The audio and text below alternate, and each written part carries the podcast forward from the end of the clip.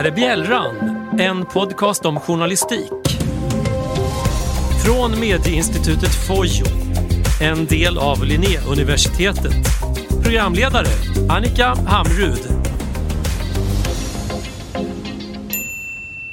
När viralgranskaren började faktchecka hörde vi direkt på namnet att det var saker som hade blivit virala, det vill säga vitt spridda, som skulle granskas. Det är en bra regel. Numera finns det verktyg för att se vad som har delats mest på sociala medier. Ett sådant verktyg är Trendolizer. Trendolizer samlar hundratusentals länkar om dagen för att få koll på vad som trendar på webben. På så vis kan en journalist få en hint om vad som behöver faktcheckas. Trendolizer ska inte blandas ihop med Gapminders Trend Alizer utvecklades av Hans Rosling och är ett presentationsverktyg för stora mängder data. Men det finns förstås andra sätt för ett inlägg att bli relevant för fact-checking och det kan till exempel vara när det har lyfts fram som något viktigt eller fått stor uppmärksamhet i medierna. Hynek Pallas uppmärksammade mig i en artikel på Expressens kultursida att Kulturnyheterna på TV har gjort ett program om dragshow och specifikt dragshowsartister som läser sagor för barn på bibliotek. Det har varit stora reaktioner mot detta framförallt i USA men på senare tid har SD-politiker i några städer i Sverige velat stoppa detta vilket har lett till diskussioner om att politiker ska hålla armlängds avstånd till kulturen. Det SD-politikerna har sagt har inte behövt faktcheckas, de har främst åsikter. Men en person har skrivit ett längre blogginlägg på en prenumerationssajt det är debattören Ivar Arpi som har en blogg som heter Rak Höger. I kulturprogrammet bjuds han in för att debattera frågan. Det är ett lite udda avbrott i ett övrigt välproducerat program. En motdebattör, Johannes Klenell, spelas in med väldigt dålig kvalitet. Hinek Pallas kommer här i Bjällran att berätta mer om vad han tycker om den här typen av debatt och jag har gjort en fact-checking av blogginlägget. I detta avsnitt av Bjällran får vi också träffa Staffan Landin som arbetade tillsammans med Hans Rosling med det som hette Factfulness. Han fortsätter i Roslings fotspår men med mer fokus på svensk diskussion. Hur står det till för faktan i Sverige just nu? Häng med! Vi ska prata drag show story hour, fact-checking och falsk balans nu. SVTs Kulturnytt har gjort ett program som utgår från ett blogginlägg av skribenten Ivar Arpi. Hans blogginlägg visas upp i bild, bland annat. Han har då inte skrivit ett blogginlägg som blivit viralt eller är motiverat att faktchecka av någon annan anledning utan faktcheckingen eh, borde ske här därför att han blir inbjuden som debattör i SVT med utgångspunkt i det här blogginlägget. Hela övriga programmet som är kanske en halvtimme handlar om fakta en reporter rapporterar oss vad som sker i Sverige nu, en historiker berättar om dragshows historia och en skådespelare som själv har läst sagor i drag för barn såväl i Sverige som i andra länder berättar. Inte ett ord nämns om vad som faktiskt står i blogginlägget som man visar upp. Här följer därför den faktagranskning som TV, SVT, inte gjorde. Blogginlägget inleds med en diskussion där Arpi hävdar att vänstern har haft monopol på värderingsfrågorna sedan ganska länge. Han hävdar där att dragshow är vänsterpolitik. Efter detta kommer ett långt stycke med uppgifter som Arpi säger sig ha tagit reda på. Han säger att dragartister har ekivoka namn och han har hittat en som kallar sig Malestia Child. Det är förstås ett vidrigt namn. Låt oss därför faktchecka detta. Jag hittade till sist på en flyer på en Facebook-sida för en burleskklubb på Manhattan. De hade 2015 en show som började klockan 23 där ett flertal artister medverkade och där står namnet Malestia Child med. Burlesk är en slags varieté som främst utförs av kvinnor födda som kvinnor. Men Malestia Child är troligtvis en dragqueen. Inlägget fick 2015 fem gilla på Facebook. En Youtube-film på tre minuter finns av Malestia som efter att Ivar skrivit om henne har visats 108 gånger. Filmen föreställer en dragqueen som med viss möda försöker genomföra en striptease. Hon försöker sedan smeta något som ser ut som blod på sitt då, efter stripteasen, manliga bröst. Vi går vidare. Ivar Arpi har hittat en dragbrunch i ett litet samhälle i Texas. På en film kan man se att ett barn ser en dragartist som uppträder till sexuellt explicit musik. En rap om pussy. Det utmanande är att artisten böjer sig ner och man kan uppfatta det som att hen rider på en penis eller dildo. Jag vet inte riktigt. Det framgår dock snabbt att det var en vuxen som tagit med sig detta barn till ett evenemang som tydligt annonserats ut som ett icke-familjearrangemang. Ivar Arpi fortsätter sen att lägga fram den här typen av bevis för att dragshowartister inte passar tillsammans med barn. En av hans källor är sajten Daily Caller. Den drivs av Fox-journalisten Tucker Carlson. Enligt sajten Media Bias Fact Check är Daily Caller en högersajt med osäkert fa faktainnehåll. De rekommenderar fact-checking av varje artikel för sig eftersom sajten profilerat sig på att publicera desinformation.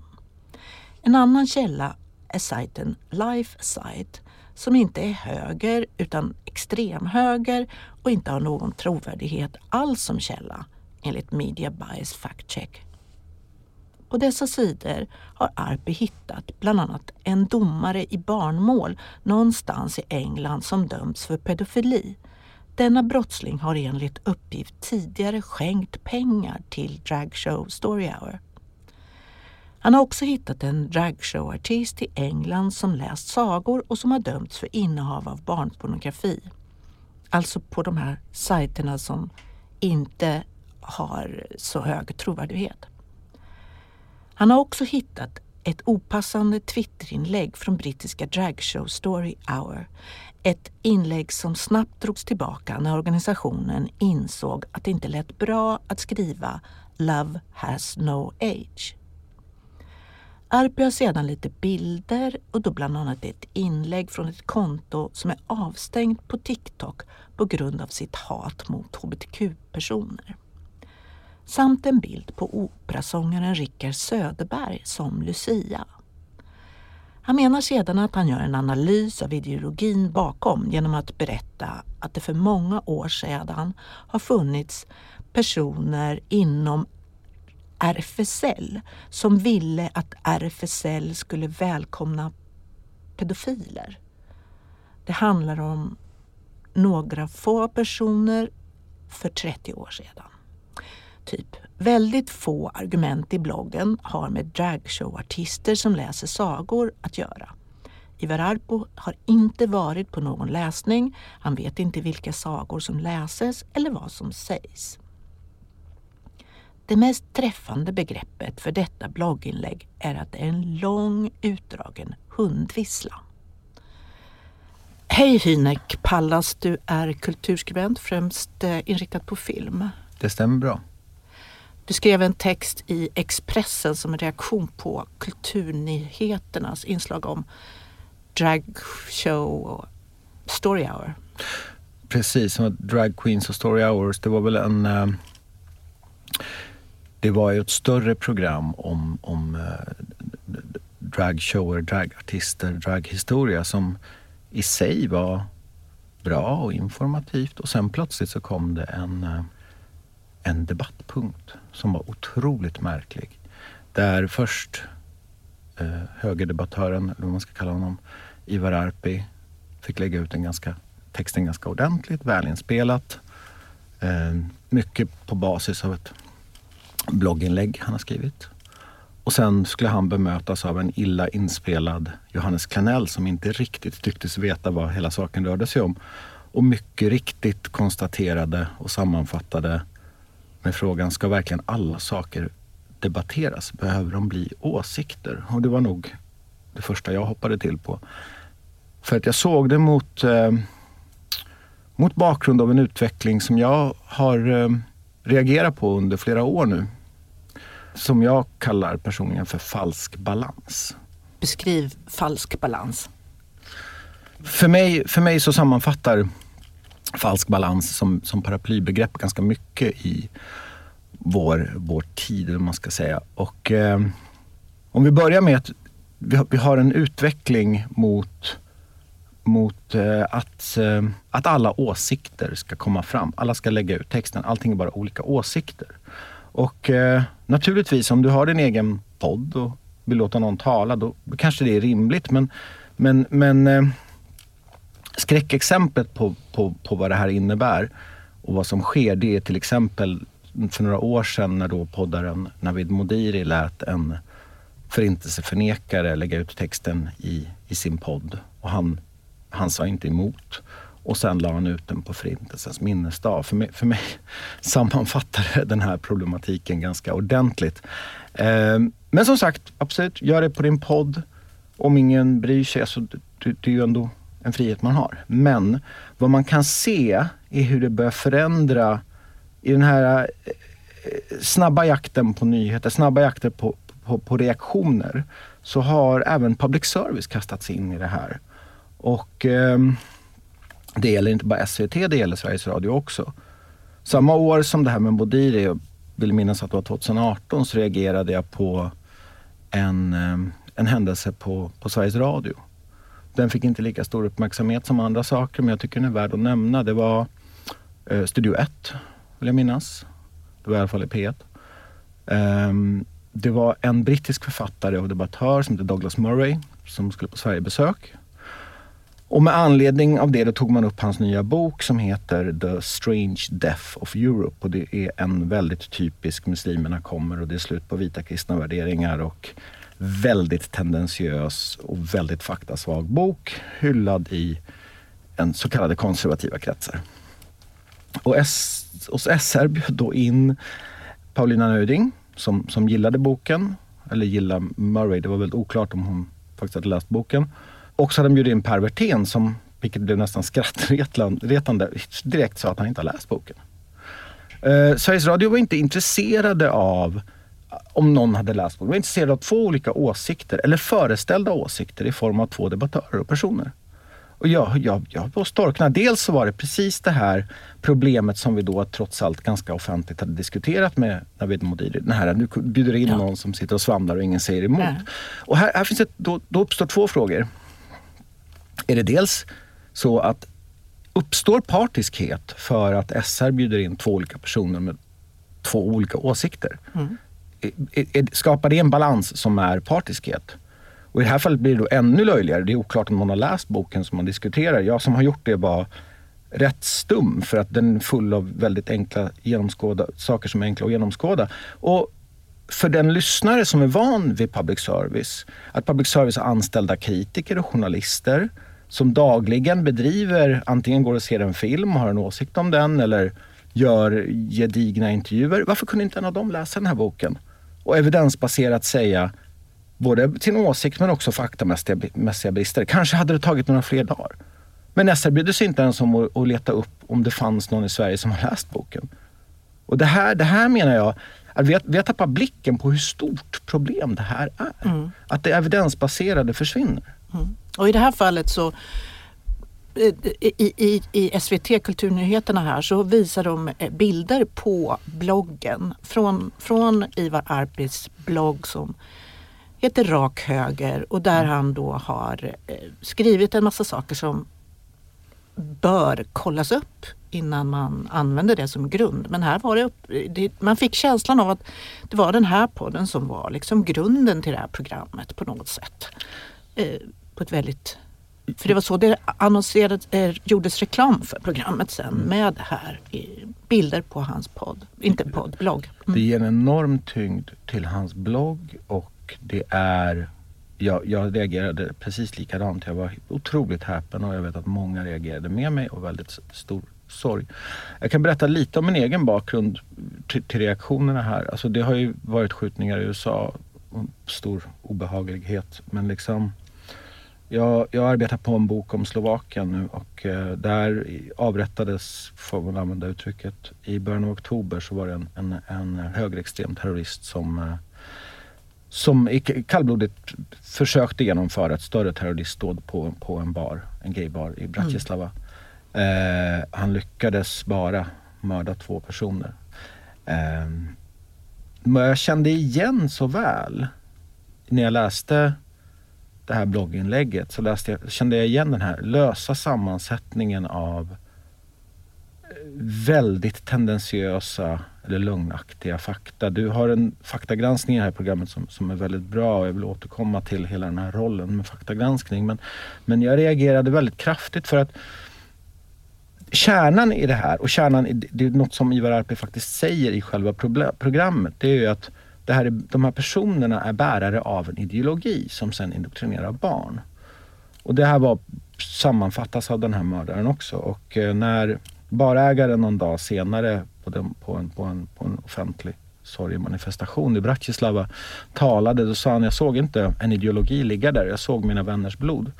Och jag, jag tror att vi liksom tappar blicken på hur de här ideologierna som är antidemokratiska, som, som står emot rättigheter i demokratier, får totalt fritt spelrum.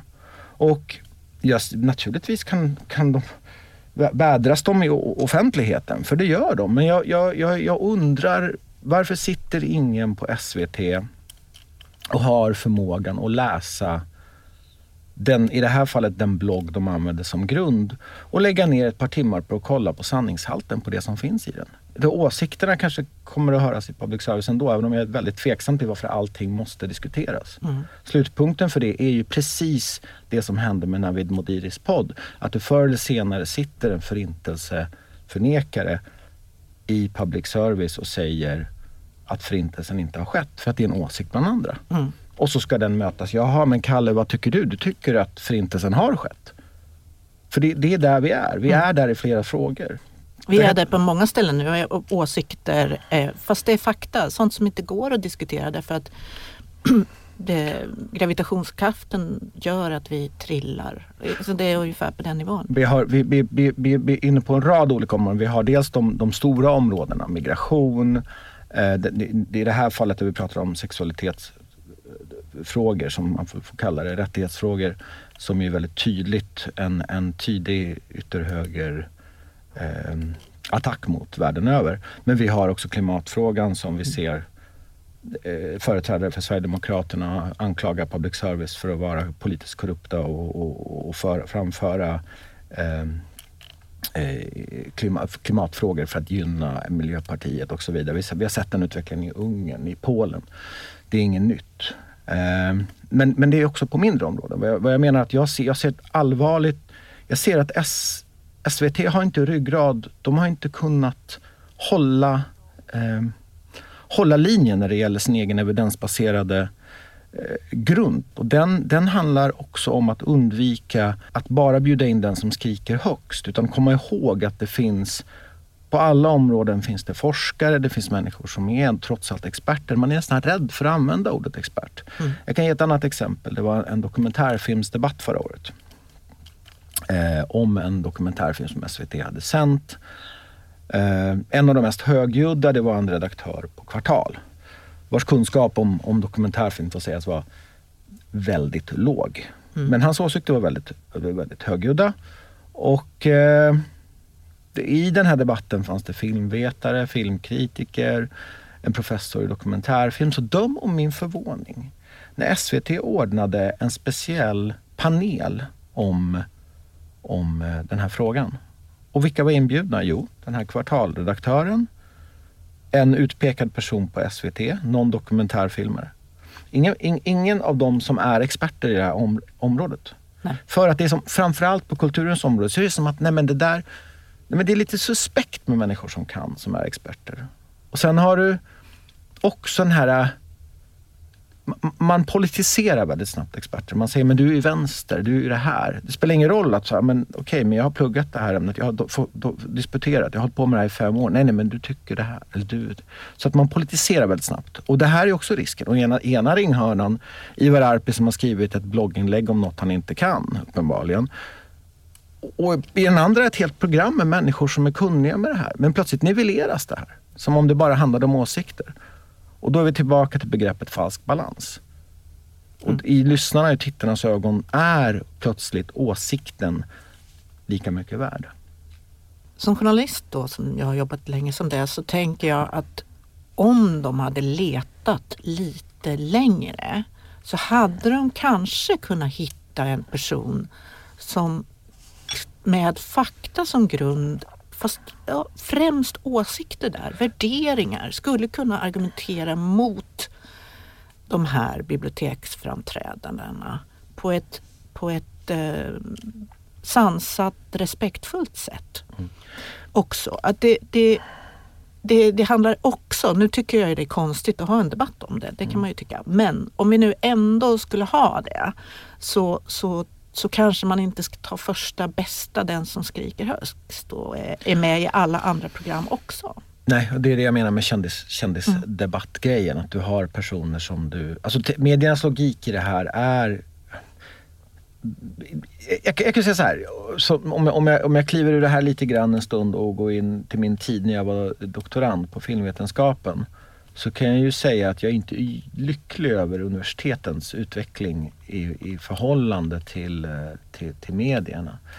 Redan för tio år sedan när, när eh, SR eller SVT ringde till, till filmvetenskapliga institutionen så var det så här, någon som pratade om skräckfilm. Ja, då var det en tjej som skrev en avhandling om skräckfilm. Men hon ville inte prata om det läskigt med medierna. Och så hamnade det på mig, för jag var redan filmkritiker. Jag var etablerad i liksom, och till sist stod man där och så här, visst det, kan, det är lätt för mig att skriva, säga något om skräckfilm. Men det är väldigt många akademiker och forskare som inte vill, som är rädda för det, som absolut inte uppmuntras av sina miljöer, institutioner att mm. delta i medierna. Så, så, att expertrollen som kan behövas, och människor som faktiskt har forskat i någonting, kan saknas. Jag säger inte att du lätt kommer att hitta en forskare som ens vill delta i det här. Men, men, men, men eh, det, det, är mer ett exempel att, att medierna lär sig snabbt att ja, men för, för tillfället finns den här personen, den säger kontroversiella saker, den säger saker, den står för den där ena sidan. Precis som när SR ringde i fallet med Nöding Wirtén. Ja, Wirtén han är nog emot det här så han får vara med. Det spelar ingen roll om han har läst boken. Uh, Ivar Arpi har skrivit ett blogginlägg. Det är ingen som behöver kolla sanningshalten för att han, han driver den här frågan från det hållet. Så det är, det är en medialogik vi hamnar i som är väldigt, väldigt olycklig. Mm. Mm. Det finns ju också så många andra vinklar man skulle kunna välja om man tänker efter. Man skulle kunna ha sådana som sysslar med biblioteksforskning, sådana som pratar om hur de, sådana här saker, hur uppträdanden, vilken roll de har på biblioteken och att det finns kanske olika vinklar på det. Man kan prata om, om hur politiker går in och vill styra det här med armlängds avstånd, om att det var SD mest som har protesterat och och, och, hur man ska förhålla sig till det. det. det. finns ju väldigt många vinklar som man, man, kan eh, fundera kring, vilken man skulle vilja välja. Man skulle kunna tycka att just public service roll måste vara att inte springa på de snabbaste bollarna. Identifiera att okay, det, här har, det här har vi sett i sociala medier, det har vi sett på tidningssidorna och precis som du säger, ja, men kanske backa lite och fundera, okej okay, hur, hur tycker biblioteken om det här? Det är miljö, miljöerna, biblioteksforskare, precis som du säger och, och, här skulle jag, apropå det här med att backa, tänka efter och ge en större kontext. Du sa något om att det är framförallt SD som har drivit den här frågan. Vi har hamnat i en lite eh, märklig politisk sits i Sverige idag onekligen. Det är alla medvetna om. Och, eh, jag, jag, undrar om vi reflekterar tillräckligt över hur mycket det kommer påverka och redan påverka våra medier och vår mediesituation. Eh, man ska inte jämföra man ska inte jämställa allt i världen med Donald Trump och USA. Men däremot kan man jämföra och fundera på lärdomar. För det är ju inte så att Sverige inte lär av amerikanska tidningar, liksom amerikansk mediamiljö. Vi är dessutom väldigt kunniga om vad som händer i USA. Så i den här artikeln som jag skrev för Expressen, då refererade jag till en bok av den eh, ryskfödda amerikanska journalisten Masha Gessen. En bok som på svenska heter Att överleva envälde. Och, och Gessen skrev den här boken om, om utvecklingen under Trump-åren. Mycket med erfarenhet från, från det Ryssland där hon hade växt upp och bott. Och hon pekade på ett par saker som var väldigt intressanta. Dels så pekade hon på, på problemet med just den här falska balansen som vi pratade om. Att plötsligt skulle, men alla åsikter ska alltid representeras istället för fakta. Att det var mer och mer så. Och så var det liksom att evidensbaserade fakta, det, det gled liksom undan. Och i den här snabba, snabba eh, utvecklingen och medialogiken, då hade man liksom glömt... Nyhetscykeln hade lämnat frågan och då hade, folk, då hade det liksom etablerats som en sanning hos folk innan man ens hade kunnat faktagranska vad som egentligen hade sagts. Just det här med faktagranskning, det är en grej som hon fastnar för. För New York Times, något som sen Sverige, jag tror att med DN i spetsen, tog över, började det här med att faktagranska vad Trump säger. Hon var väldigt kritisk till det. Och jag gillade hennes, hennes eh, perspektiv på den frågan. För hon sa att om du dagligen faktagranskar en serie lögner, alltså du, både du själv och själva den läsande publiken tappar blicken på den större helheten. Visst, du kan säga att ja, nu har Trump ljugit 16 000 gånger det här halvåret. Men, men, men varje dag börjar ju en ny nyhetscykel. Du, du, du har inte den här övergripande logiken av att det är en metod. Det är en politisk metod. Demokratierna, demokratiska institutioner, var inte förberedda på en person som Trump som tillsätter som inte tillsätter de bästa utan de man kan utpressa mest på vissa positioner. På samma sätt var inte medierna beredda på en person som inte är beredd att spela enligt reglerna. Och vi kan se på liknande sätt med SD idag. Alltså det är ett parti som har en egen propagandakanal där en person medverkar till att beställa koranbränning utanför turkiska ambassaden i ett extremt politiskt känsligt läge. Det här är något som vi, vi aldrig sett där i Sverige. Och journalisterna har extremt svårt att förhålla sig till det. Och för att knyta tillbaka till Gessen, vad hon pekar på att de enda, den enda egentliga mediaformen som klarade av det här, som kunde visa på den större helheten, på de röda trådarna, på det demokratiska hotet, det var ju poddar. Så att, och det säger jag inte bara för att vi sitter här, utan jag, jag säger det för att det måste leda till en, en självreflektion hos våra stora mediehus och i synnerhet public service om den stora skada man håller på att ställa till med. Det som de flesta hoppade på den efter den här koranbränningen, det var ju att bjuda in Jean Frick och låta honom prata utan att säga emot så mycket. Det var ju vad de flesta gjorde. Ja, jag reagerade väldigt, väldigt mycket på, inte bara det, utan att, att Svenska Dagbladet gjorde en, eh, en lite sån här, alltså, det var nästan som en sån här, jag tror det var en söndagsbilaga lite idolporträttintervju där de inte, de förstår inte imageskapande. De förstår, de, de, de, det, det är det här, återigen, det grund. Naturligtvis ska ni göra porträtt, naturligtvis ska ni berätta om alla delar av debatten men det är som att det har blivit man är en yttrandefrihetsförespråkare om man låter nazister prata på bibliotek. Jag, jag, jag har ett otroligt svårt för att se att det, det, är rimligt att vi har hamnat här. Vi sitter faktiskt i en poddstudio här och det var i biblioteket som är vägg i vägg här som mm. det bjöds in nazister. Eh, av just precis på det viset. Ja, och hon fick, om jag inte vill minnas, så tog, dröjde det inte länge för att för en personen som gjorde det fick eh, Torgny Segerstedts eh, priset. Mm. Alltså, var Stina Oskarsson. Och jag tycker att Stina Oskarsson i mycket gör ett bra jobb. Men jag tycker samtidigt, apropå Chang Frick, så är det så tydligt att även hon förleds av imageskapande. Av så här, det, det, det, är så enormt konstigt och det, det, samtidigt så är det som att man är öppen mål för att säga, har du vill inte att person X och Y ska höras? Jo, det vill jag, men jag vill att journalistiken ska vara bättre. Tillbaka till Modiri som sitter där och hummar med när en förintelse förnekare helt enkelt får tala fritt i hans podd och ljuga utan att få mothugg det, det, det, visst, han är inte journalist, han kan säga att det är samtalsextremism. Men då borde vi fundera på vad är det vi ger uppmärksamhet i vår samtid? Den här samtalsextremismen som vi kallar det, den här, eh, vi går till Modiri, han hade ju då avslutade sin, den här podden han har med en massa människor på scen. Chang Frick bland annat.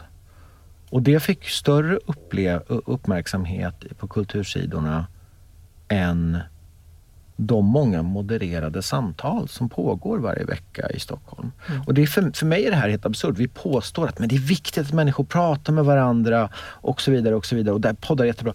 Och så jag så här, ja men ni inser väl att det pågår modererade samtal på scener, på Kulturhuset, på olika biografer, på teatrar, på en massa andra ställen om viktiga frågor, om yttrandefrihet, om medier, om film, om Ukraina. Ni bevakar dem aldrig. De här sätts ihop av, av människor som är betalda moderatorer, uteslutande nästan journalister. I panelen sitter oftast experter. Men det, det sker i mediaskugga. Så för mig är det en lögn att säga så att vi behöver de här samtalspoddarna för de ger oss något mer. Nej, vi har det här pågående hela tiden. Mm. Professionellt sammansatt. Om jag har förstått det rätt så kostade det 1000 kronor att gå och lyssna på det här 500 kronor plus om du ville gå på efterfesten kostar det 1000. Ja. Ja, det är, är ett krasst kommersiellt arrangemang. Alltså, återigen, jag blir, jag blir så... Jag har lett, jag ledde liksom, paneler om Ukraina och kultur under brinnande. Det kommer två personer, det kommer inte en enda kulturjournalist. Det kommer inte människor. Nu gnäller jag inte för min egen skull. Vad jag gnäller för det är att varför gör inte det avtryck på kultursidorna? Varför betraktas inte det som som lika viktigt som samtalsextremistiska poddar där förintelseförnekare sitter och svamlar. Mm. Vi, har, vi, har, vi har ett seriöst problem med vad vi uppmärksammar, hur vi uppmärksammar, vad vi granskar på förhand, huruvida public service kan sätta sig ner och andas en liten stund och åtminstone googla en blogg innan de låter personen lägga ut texten på bästa sändningstid mot dessutom en, en, en grupp som har kämpat för sina rättigheter i, i evig tid och är extremt utsatta för tillfället mördas världen över. Hynek Pallas, jag tackar dig för att du kom hit. Tack, tack. Vi kanske hörs igen.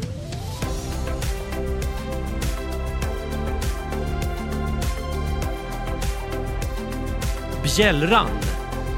Dags för Andreas Önnefors att svara på en kort fråga från Annika. Vilka är de största konspirationsteorierna som sprids över världen? Det finns en Eh, en, ett antal konspirationsteorier som sprids från det globala till det nationella. Mm. Alltså 9-11 eller Illuminati och ufon och att jorden är platt.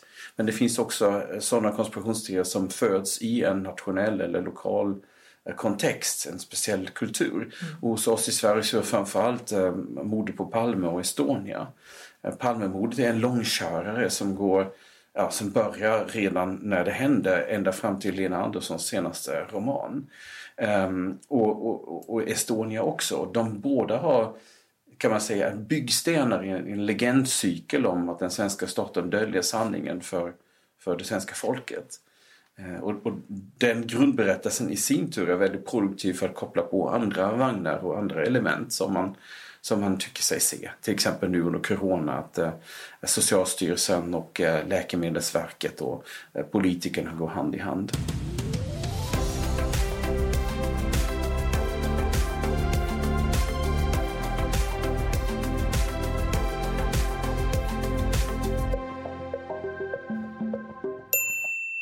Och nästa gäst här i Bjällrand är Staffan Landin. Annika, vad ska det handla om nu? Ämnet är fakta. Staffan, eh, välkommen. Kan du berätta lite vem du är? Ja, det kan jag absolut. Tusen tack eh, förresten att, att du har med mig. Jag har eh, jobbat ganska länge, i 20 års tid, med att försöka beskriva fakta om eh, om världens utveckling på ett sätt som når fram. Jag har jobbat bland annat med Hans Rosling på Gapminder i, eh, i många år och jobbat parallellt med han kan man säga under den här tiden som han var verksam. Eh, egentligen från nästan allra första början med, med den här faktabiten som han jobbade med. Ehm, hans Rosling var då professor i eh, internationell hälsa, folkhälsa eller global hälsa på Karolinska institutet och eh, utbildade så här, kommande läkare eller blivande läkare i hälsa i fattiga länder. Eh, och han tyckte då att vår bild av världen stämde väldigt dåligt överens med hur den faktiskt ser ut. Eller hans studenter då som ändå hade så här superbra betyg hade en väldigt svartvit bild av världen. En bild där det fanns i-länder och u-länder och rika och fattiga länder. Och han tyckte den var väldigt svartvit. Så då tog han tillsammans med sin son och eh, sin son hustru Ola och Anna Rosling eh, tog de fram ett, men ett sätt att visa statistik av världens utveckling på ett sätt som blev revolutionerande. Man visade hur hälsan har förändrats över tid och sådär och pratade om, Eh, lyfter lyfte fram grundläggande viktiga saker som hur länge man lever, eh, ekonomi och barnadödlighet och sådär. För att visa på hur världen förändrades på ett sätt som var svårt att, att förstå genom nyhetsrapportering eller de bilder vi har. Och han, det han brann för var på något sätt att, jag menar, att, att, vår, att vår verklighetsbild ska vara byggd på, på fakta, en evidensbaserad, en faktabaserad verklighetsbild. Det var liksom hans målsättning. Då. När vi skapar vår bild av världen så ska den vara byggd på, på det vi vet, eh, på fakta och statistik i första hand. Och det är inte alltid säkert att det finns mätningar på allting. Vi vet inte allting, men åtminstone det vi vet det bör inte vara upp för diskussion utan det är så mycket saker vi vet. Vi vet att det är så här, det kan vi mäta, det kan vi se. Så vi behöver inte diskutera det, vi kan utgå från att det stämmer och sen då föra diskussionen kring ja, men det som man kan diskutera. Alltså vi, hur vi ska hantera det eller är det ett problem och så vidare. Han blev ju världskänd på det. Han gjorde några stora eh, TED-talks och så och lyftes upp av viktiga personer eh, i debatten runt om i världen. Och egentligen är hans budskap ganska basalt. Jag menar att vi ska, att vi ska forma vår världsbild utifrån fakta är ju inte så här, i sig revolutionerande. Men, men det blev det för att det, blev en sån, för så har diskussionen om världen inte sett ut. Och utifrån det då så kan man väl säga att det, han såg det från sin världsbild, från sitt synsätt, alltså just bilden av det som vi kallade utvecklingsländer, fattiga länder. Men, men den mekanismen att vi att vår bild är, är byggt av förutfattade meningar och, och fördomar gäller nog i ännu högre grad i andra områden som, som vi pratar oftare om. För det är samma mekanismer som styr det där på något sätt. Men det är Hans Rosling, det är hans bakgrund och då jobbade jag där parallellt med han under många år med att hålla föreläsningar och, och diskutera de här sakerna. Och tyvärr så avled han för några år sedan. Ja. Men eh, arbetet fortgår med det som heter Gapminder. Och, eh, vad, vad, jobbar du, vad gör du nu för tiden? Ja, men jag eh, är då avknoppad från Gapminder. Eh, jag jobbar inte för Gapminder, men jag jobbar med samma frågor som jag alltid har gjort. Möjligtvis att jag har pratat mer om om nationella frågor, om, liksom, om samma synsätt på den faktabaserade verklighetsuppfattningen fast frågor som rör, som rör Sverige, som rör kommuner, som rör brottslighet och som rör utvecklingen här hemma. Jag jobbar som frilansande föreläsare, skribent, journalist där någon vill ha mig, så att säga. På, på så många fält jag kan, försöka förmedla den bilden och försöka få oss att stanna upp och titta på eh, hur verkligheten ser ut eh, för att det är så himla lätt att halka fel hela tiden. Mm. Mm. Vad, om du tittar liksom på, på nyhetsbevakningen nu till exempel då som vi på Fojo som riktar oss till journalister. Var tycker du eh, problemen är störst med att hålla sig till fakta?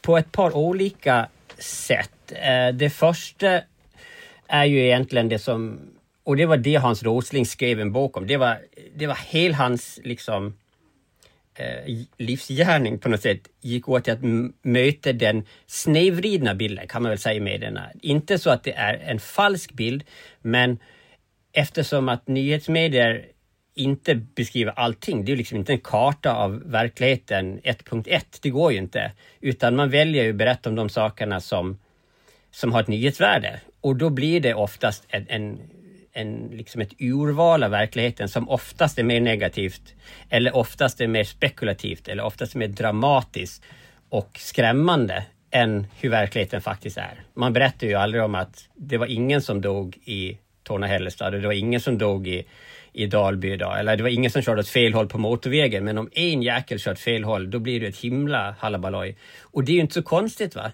Det är ju, det är ju en logik, det är ju medielogiken. Men som tittare är det väldigt lätt att man då bara ser problemen. Och det är liksom, den har alltid funnits där, den, det problemet. Ehm, det var det Hans Rosling i ett så känt klipp i dansk eh, TV sa så här, jag har rätt och du har fel. Det var det man diskuterade där, där, där ehm, den här journalisten då menade att vi medierna, vi berättar ju bara om världens tillstånd som det är. Och Hans sa, ja men ni berättar ju en liten del av världen. Ni berättar ju inte helheten, det går ju inte. Och det måste man förstå. Så Hans brukade säga att man kan ju inte, man kan inte förstå världen genom att lyssna på nyheterna. Men det sa han ju inte. Han skulle ju aldrig ställt sig och hålla en föreläsning utan att också ha läst de senaste nyheterna. Eh, så han vet liksom vad diskussionen är. För att även om det är ett urval så är ju men man måste, ha den, man måste ha det filtret på när man ser. Det är ett problem. Men efter, ungefär samt, för det var det som var så tragiskt. Han gick ju bort i februari 2017. Eh, bara två, tre veckor innan sågs Donald Trump in som president i USA. Och det där blev ju någon slags paradigmskifte, ser jag det som.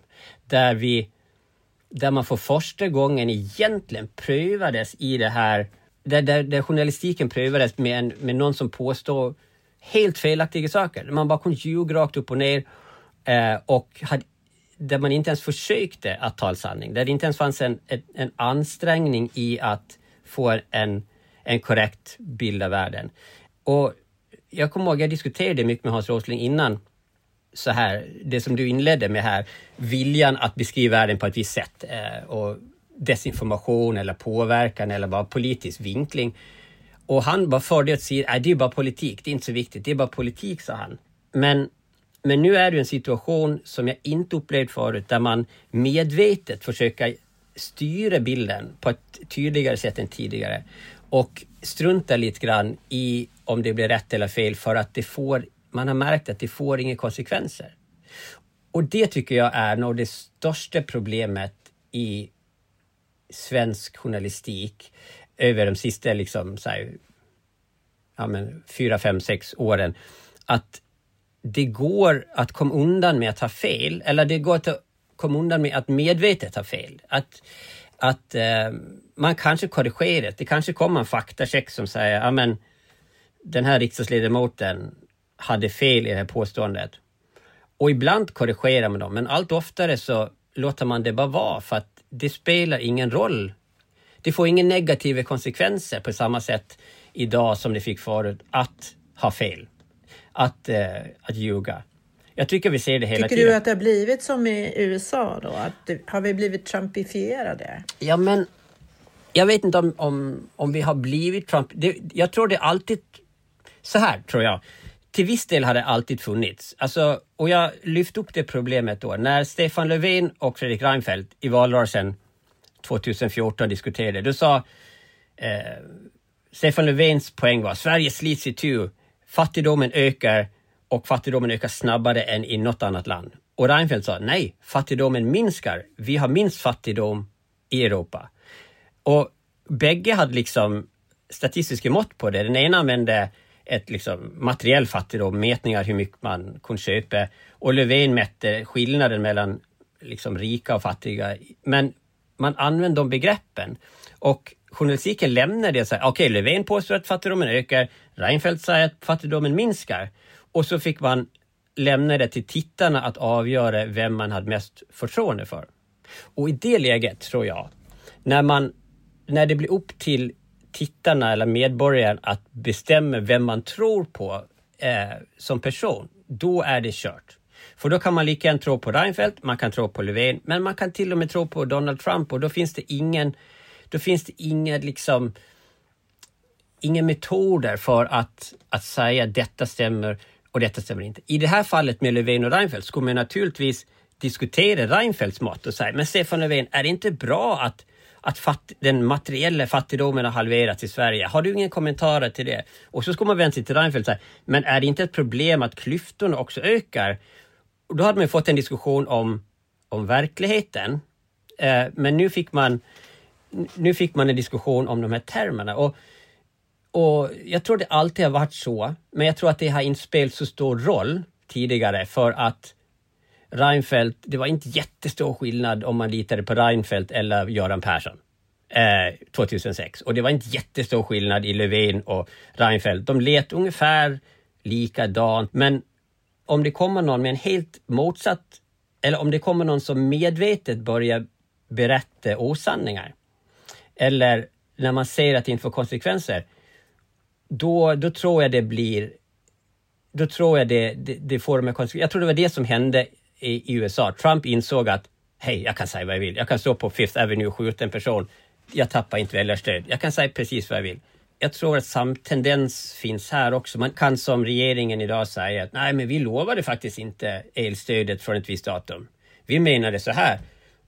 Fast man har fast det står svart på vitt att det är en uppenbar osanning. Och där, där är journalistiken inte självsäker nog att säga att stanna upp och säga, men vänta lite nu, det där är faktiskt inte sant. Och det där, jag, jag, jag tror det, jag, jag tycker att det är ett allt större problem. V vad är det som brister där hos journalisterna, tänker du? Är det självförtroende? Alltså självförtroende, ja men det är det ju på ett visst sätt. Men det är ju inte så enkelt som att säga så bara, men gaska upp dig, eh, reportern. För att vid varje diskussion när medierna har försökt ta den större rollen så möts man ju av en backlash. Och frågan är då, är det journalistikens uppgift att vara domare i det här? Jag tycker att man ser att många redaktioner har försökt ta större steg åt det hållet och framför allt ska vi säga att SVTs liksom, utfrågningar har blivit vassare på det sättet där man själv tar fram, eh, men tar fram liksom fakta och inte bara överlåter det åt intervjupersonen. Utan man har, man har själv gjort research. Man säger så här är det, kommentera det. Men det är fortfarande svårt. Och jag tror att man liksom i myrsteg försöker att man har insett att man måste öka liksom den kontrollen. Men som sagt, det är väldigt svårt också. Det är inte bara det att man inte vill liksom ta på sig rollen som domare man måste också faktiskt ha fakta på fötterna. Man måste ha gjort den researchen innan. Och ibland är det inte så enkelt som att man, att man har svaren. Ett aktuellt exempel, när i, det här 30 minuter eh, när Billström frågades eh, för ett tag sedan. Då, då var reporten ganska ihärdig med att få svar på varför varför tyckte regeringen att det var viktigare att försvara eh, liksom Erdogan än svensk yttrandefrihet. För att de gjorde den bedömningen. Och det hade ju då, det var bra journalistisk vinkling. Eh, men då blev egentligen standardsvaret på alla frågor var att Billström sa, nej men jag har lyft båda sakerna. Regeringen har lyft både eh, vikten av yttrandefrihet och liksom respekten för folkvalda ledare. Då. Och då försökte då eh, reporten att visa, nej men ni, ni la mycket större vikt på det ena men inte på det andra. Och då sa Billström, nej, vi sa bägge sakerna. Men faktum är att de sa inte bägge sakerna. Och då i det läget, ja men det är såklart jättesvårt att om han säger så här, jag sa i SVT i onsdags bägge sakerna, jag lyfte vikten av yttrandefrihet. Då kan man då är det ju omöjligt i en direktsändning att liksom hinna titta på den och faktagranska den och säga att nej men han sa inte det i den. Uh, så det är ju väldigt... Om man inte har ett helt team bakom sig Precis. som springer iväg och kollar det. Vilket man faktiskt kan det ha. Alltså, ja, det var alltså Tobias eh, Billström, utrikesministern, som intervjuades i 30 minuter. Ja, men precis. Och det, jag tar det bara som ett exempel på hur svårt det är att realtids liksom faktachecka. Men det är ju egentligen eh, det är lite det som, eh, som jag tror vi måste måste komma åt. Särskilt i en valrörelse, tänker jag, där man där mycket av den politiska diskussionen handlar om beskrivningar hur det är istället för vad man vill göra åt det. Och då, då, då regnar liksom påståendena från alla håll. Det är så här, nej det är så här.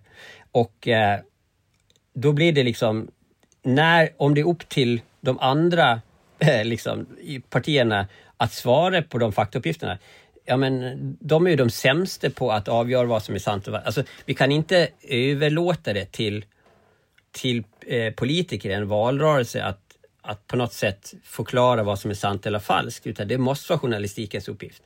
Eh, och det kräver förberedelse, research eh, och det, det är tungt men det, det, det går att göra. Och man kan styra in dem på de frågorna igen som man har tagit fram fakta kring och prata om istället för att låta det flyta ut igen. I... Jag tror det finns mycket att göra men det, det är inte enkelt, det, det ska jag säga. Men eh, om vi säger, eh, vilka frågor är det som, eh, det som det blir mest faktafel i? Kan man ställa den frågan? Ja, det kan man. Det är en bra fråga. Jag är inte säker på att jag vet svaret, men rent generellt ska vi säga att i alla frågor där man... Det, det första eh, jag skulle säga där att det vanligaste är att man liksom kategoris, man pratar om kategorierna, som i det här fattigdomsexemplet jag tog tidigare.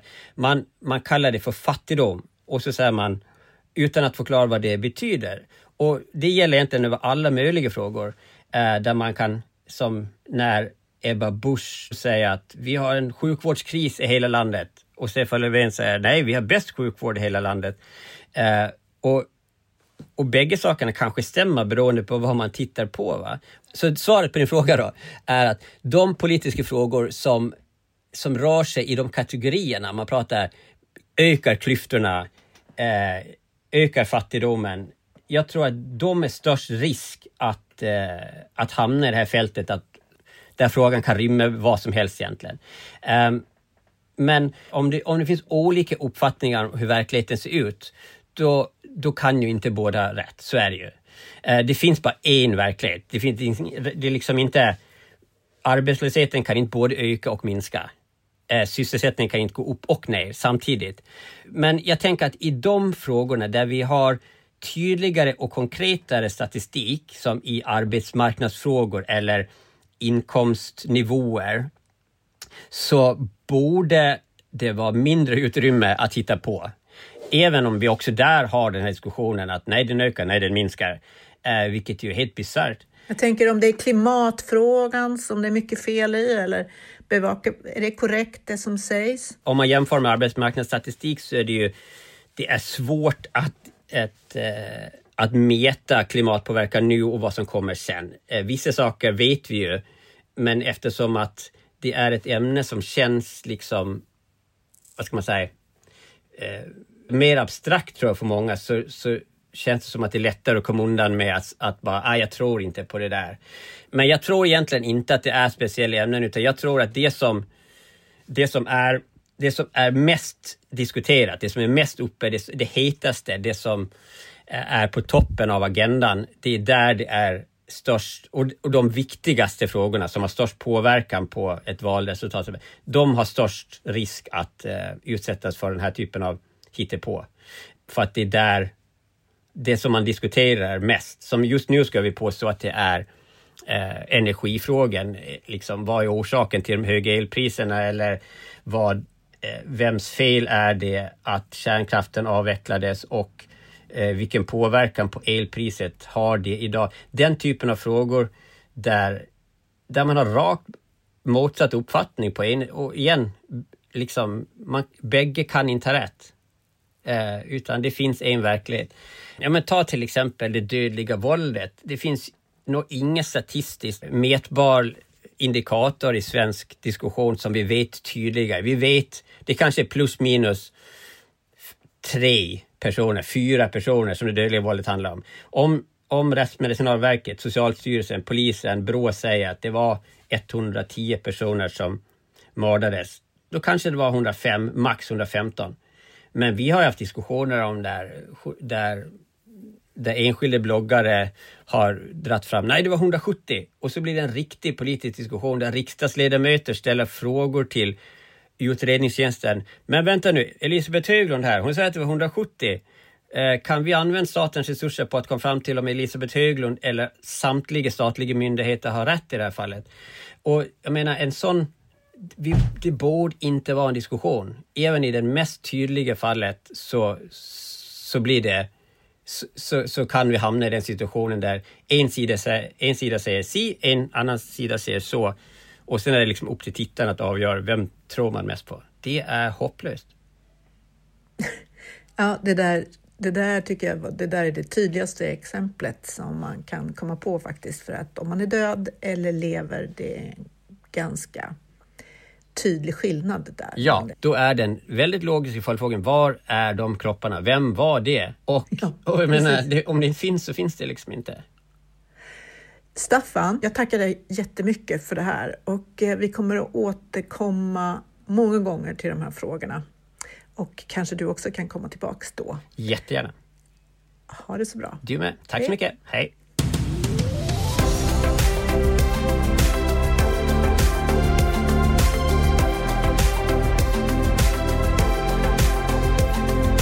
Du har just hört ett avsnitt av Bjällran, en podcast om journalistik. Från Medieinstitutet Fojo, en del av Linnéuniversitetet. Vill du komma i kontakt med redaktionen?